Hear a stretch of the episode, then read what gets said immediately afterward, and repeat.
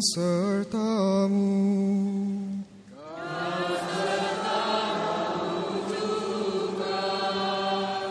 Inilah Injil Yesus Kristus menurut Yohanes.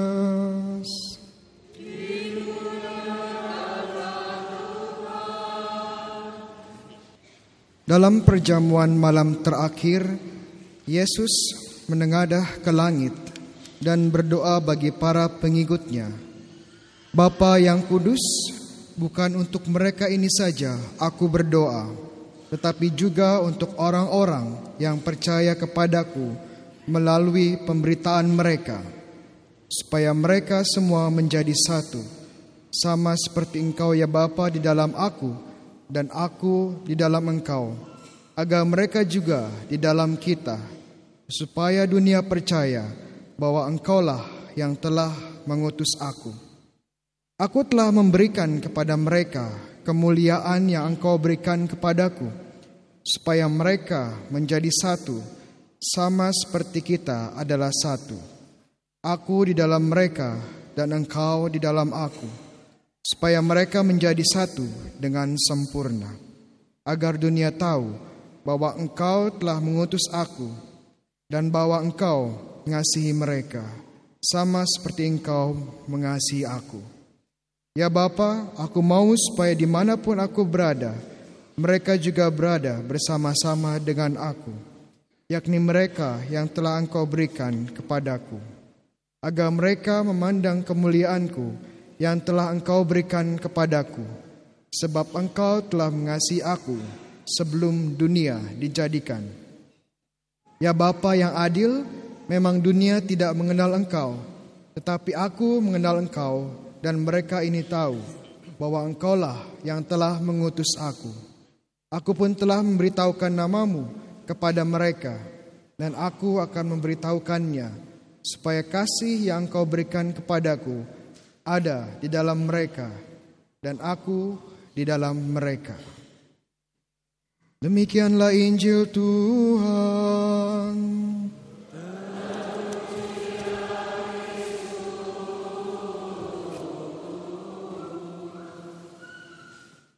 Saudara-saudari, Shalom. Saat kita menghadapi kesulitan di dalam hidup, kesusahan di dalam hidup, biasanya ada tiga respon atau reaksi yang biasanya kita keluarkan menghadapi kesulitan hidup. Yang pertama, biasanya kita lari, kita menghindar kalau menghadapi kesulitan. Yang kedua, kalau sudah tidak bisa dihindari, ya kita pasrah, menerima, menerima. Tapi ada cara ketiga atau reaksi ketiga yang sebenarnya lebih baik dari yang kedua, yaitu saat kita mencoba merangkul dan mengubah kesusahan dalam hidup sebagai sarana pertumbuhan dan kemuliaan kita. Ini adalah bentuk kemuliaan yang sejati. Kenapa?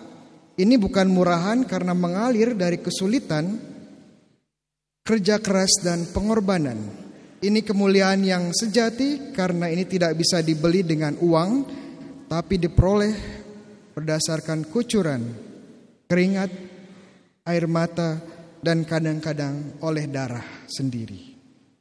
Tentu sebagai manusia dorongan alami kita ya menghindar dari kesulitan dan mencoba mencapai yang senang-senang saja. Itu wajar, manusiawi. Waktu saya masuk seminari, seminari menengah, 18 tahun lalu, hal pertama yang saya lakukan adalah saya harus belajar mencuci pakaian sendiri. Waktu di rumah kan ada orang tua, bisa dicucikan orang tua. Tapi pas masuk seminari saya harus cuci baju sendiri. Dan beberapa kali setelah mencuci baju, Ternyata tangan saya melepuh, sedikit melepuh. Kenapa? Mungkin karena deterjennya terlalu kuat. Ya kan nyuci pakai tangan. Karena itu rasa sakit mulai nggak betah di seminari.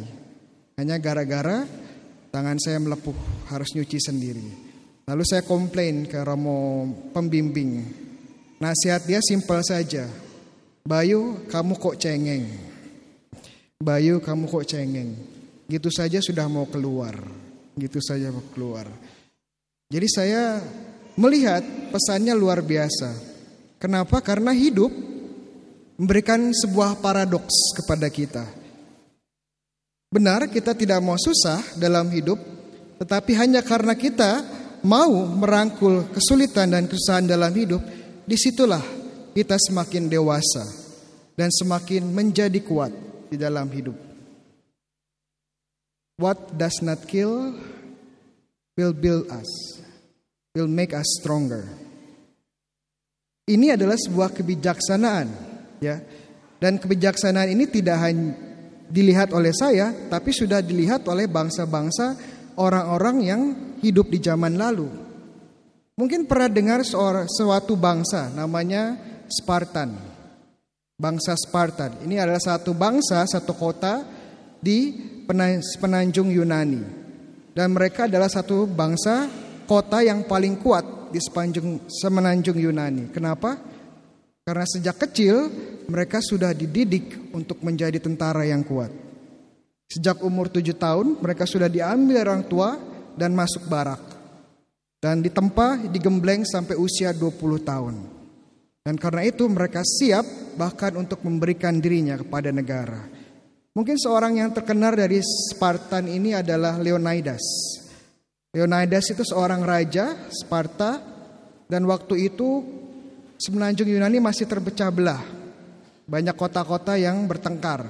Dan tiba-tiba kerajaan Persia, kekaisaran Persia dari timur datang dengan kekuatan yang sangat besar untuk menaklukkan Yunani. Menghadapi hal ini,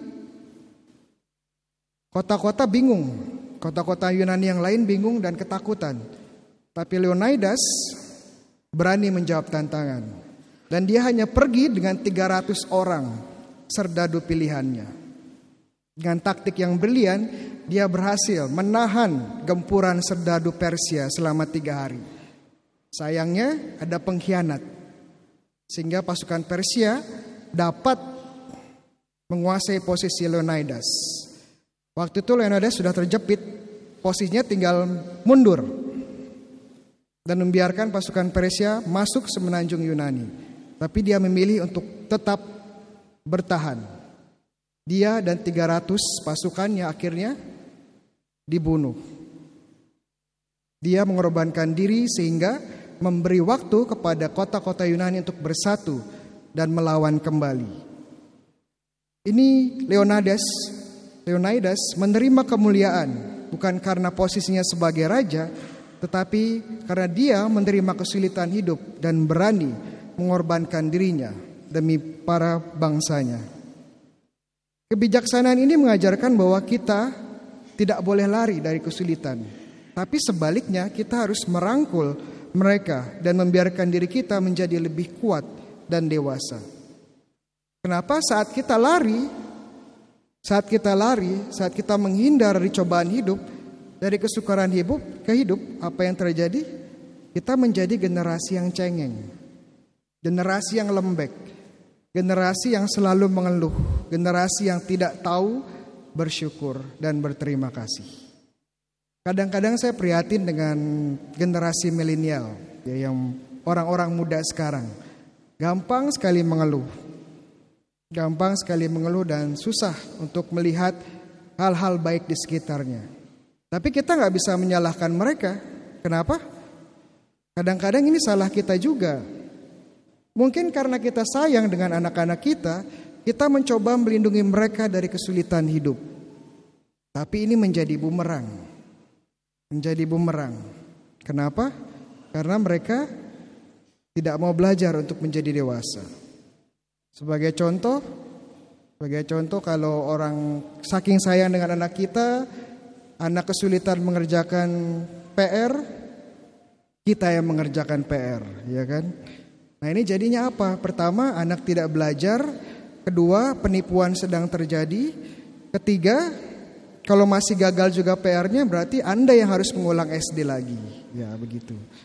Dan kadang-kadang ada anak masih kecil menangis, apa resepnya?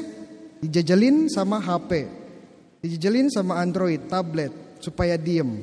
Ya, Ya Tuhan ini anak manusia, bukan colokan kabel ya. Dan akhirnya ke depan jadi apa? Anak-anak yang kecanduan dengan HP, dengan gadget. Disuruh belajar, ditegur, langsung pasang headset, pergi ke kamar main HP. Di gereja, lihat romonya boring, sermon langsung keluar HP, mainan HP sendirian. Ya. Dan kadang-kadang anak-anak diajarkan untuk tidak menghargai apa yang dimiliki. Ada cerita seorang anak uh, minta mamanya, "Mah, beliin iPhone 8 dong yang terbaru." iPhone 8 yang terbaru. Sayang, jawab mamanya, "Kamu kan baru saya kasih iPhone 7 Plus ya. Itu kan udah baru. Nanti aja ya kapan-kapan iPhone 7 8-nya." Anaknya bilang apa? "Wah, mama jahat. Mama nggak sayang aku.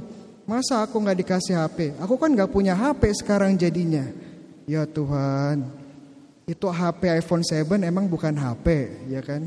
Itu apa kiranya? Dodol apa ya? Bukan kan HP juga. Padahal HP-nya ada di sana, tapi karena tidak diajarkan untuk mengapresiasi, untuk menghargai apa yang ada, kita tidak anak-anak sekarang gampang komplainnya. Ini karena kita saking sayangnya, maksudnya baik, malah melindungi anak kita dari kesukaran hidup yang membentuk mereka.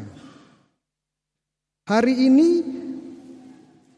dalam Injil hari ini Yesus menjanjikan kita para muridnya kemuliaan.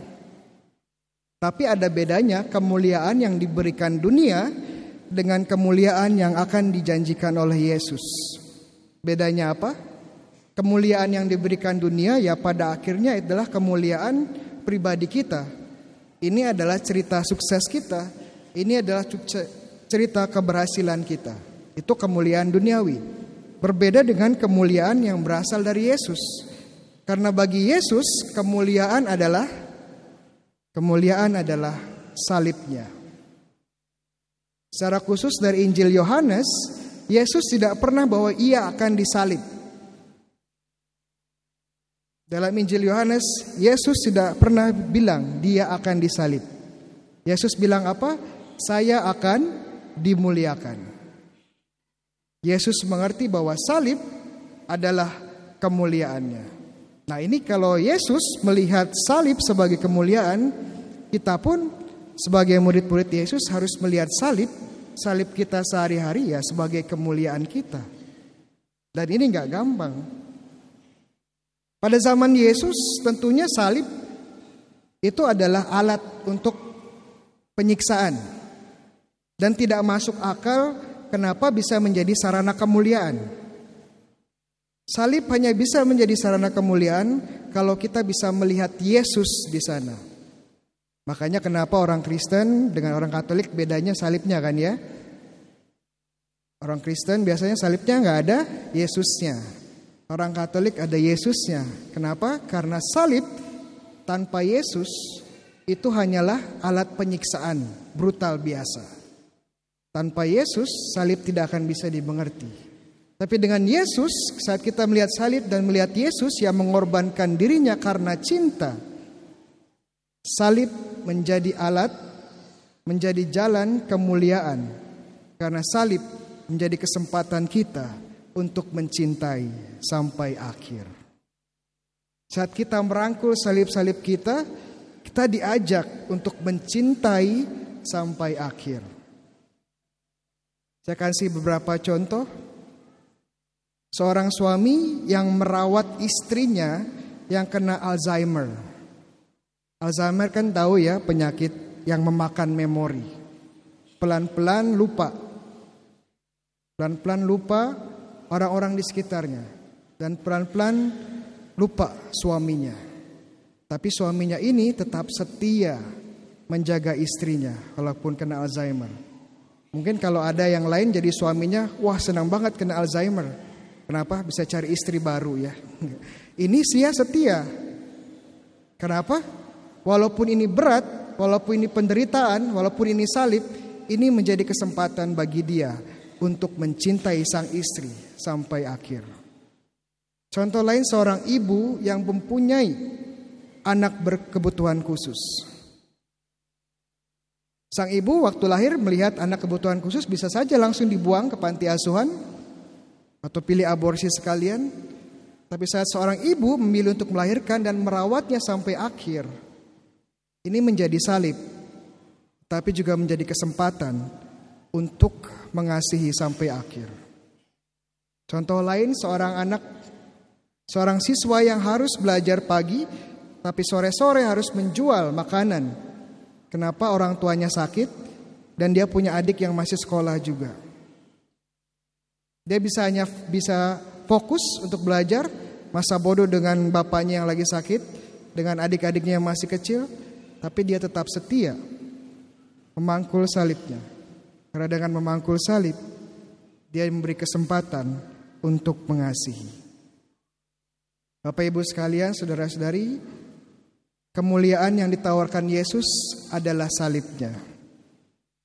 Dan hanya dengan memanggul salib, kita dapat mengasihi sampai akhir dan kita boleh berbagi dalam kemuliaan Yesus.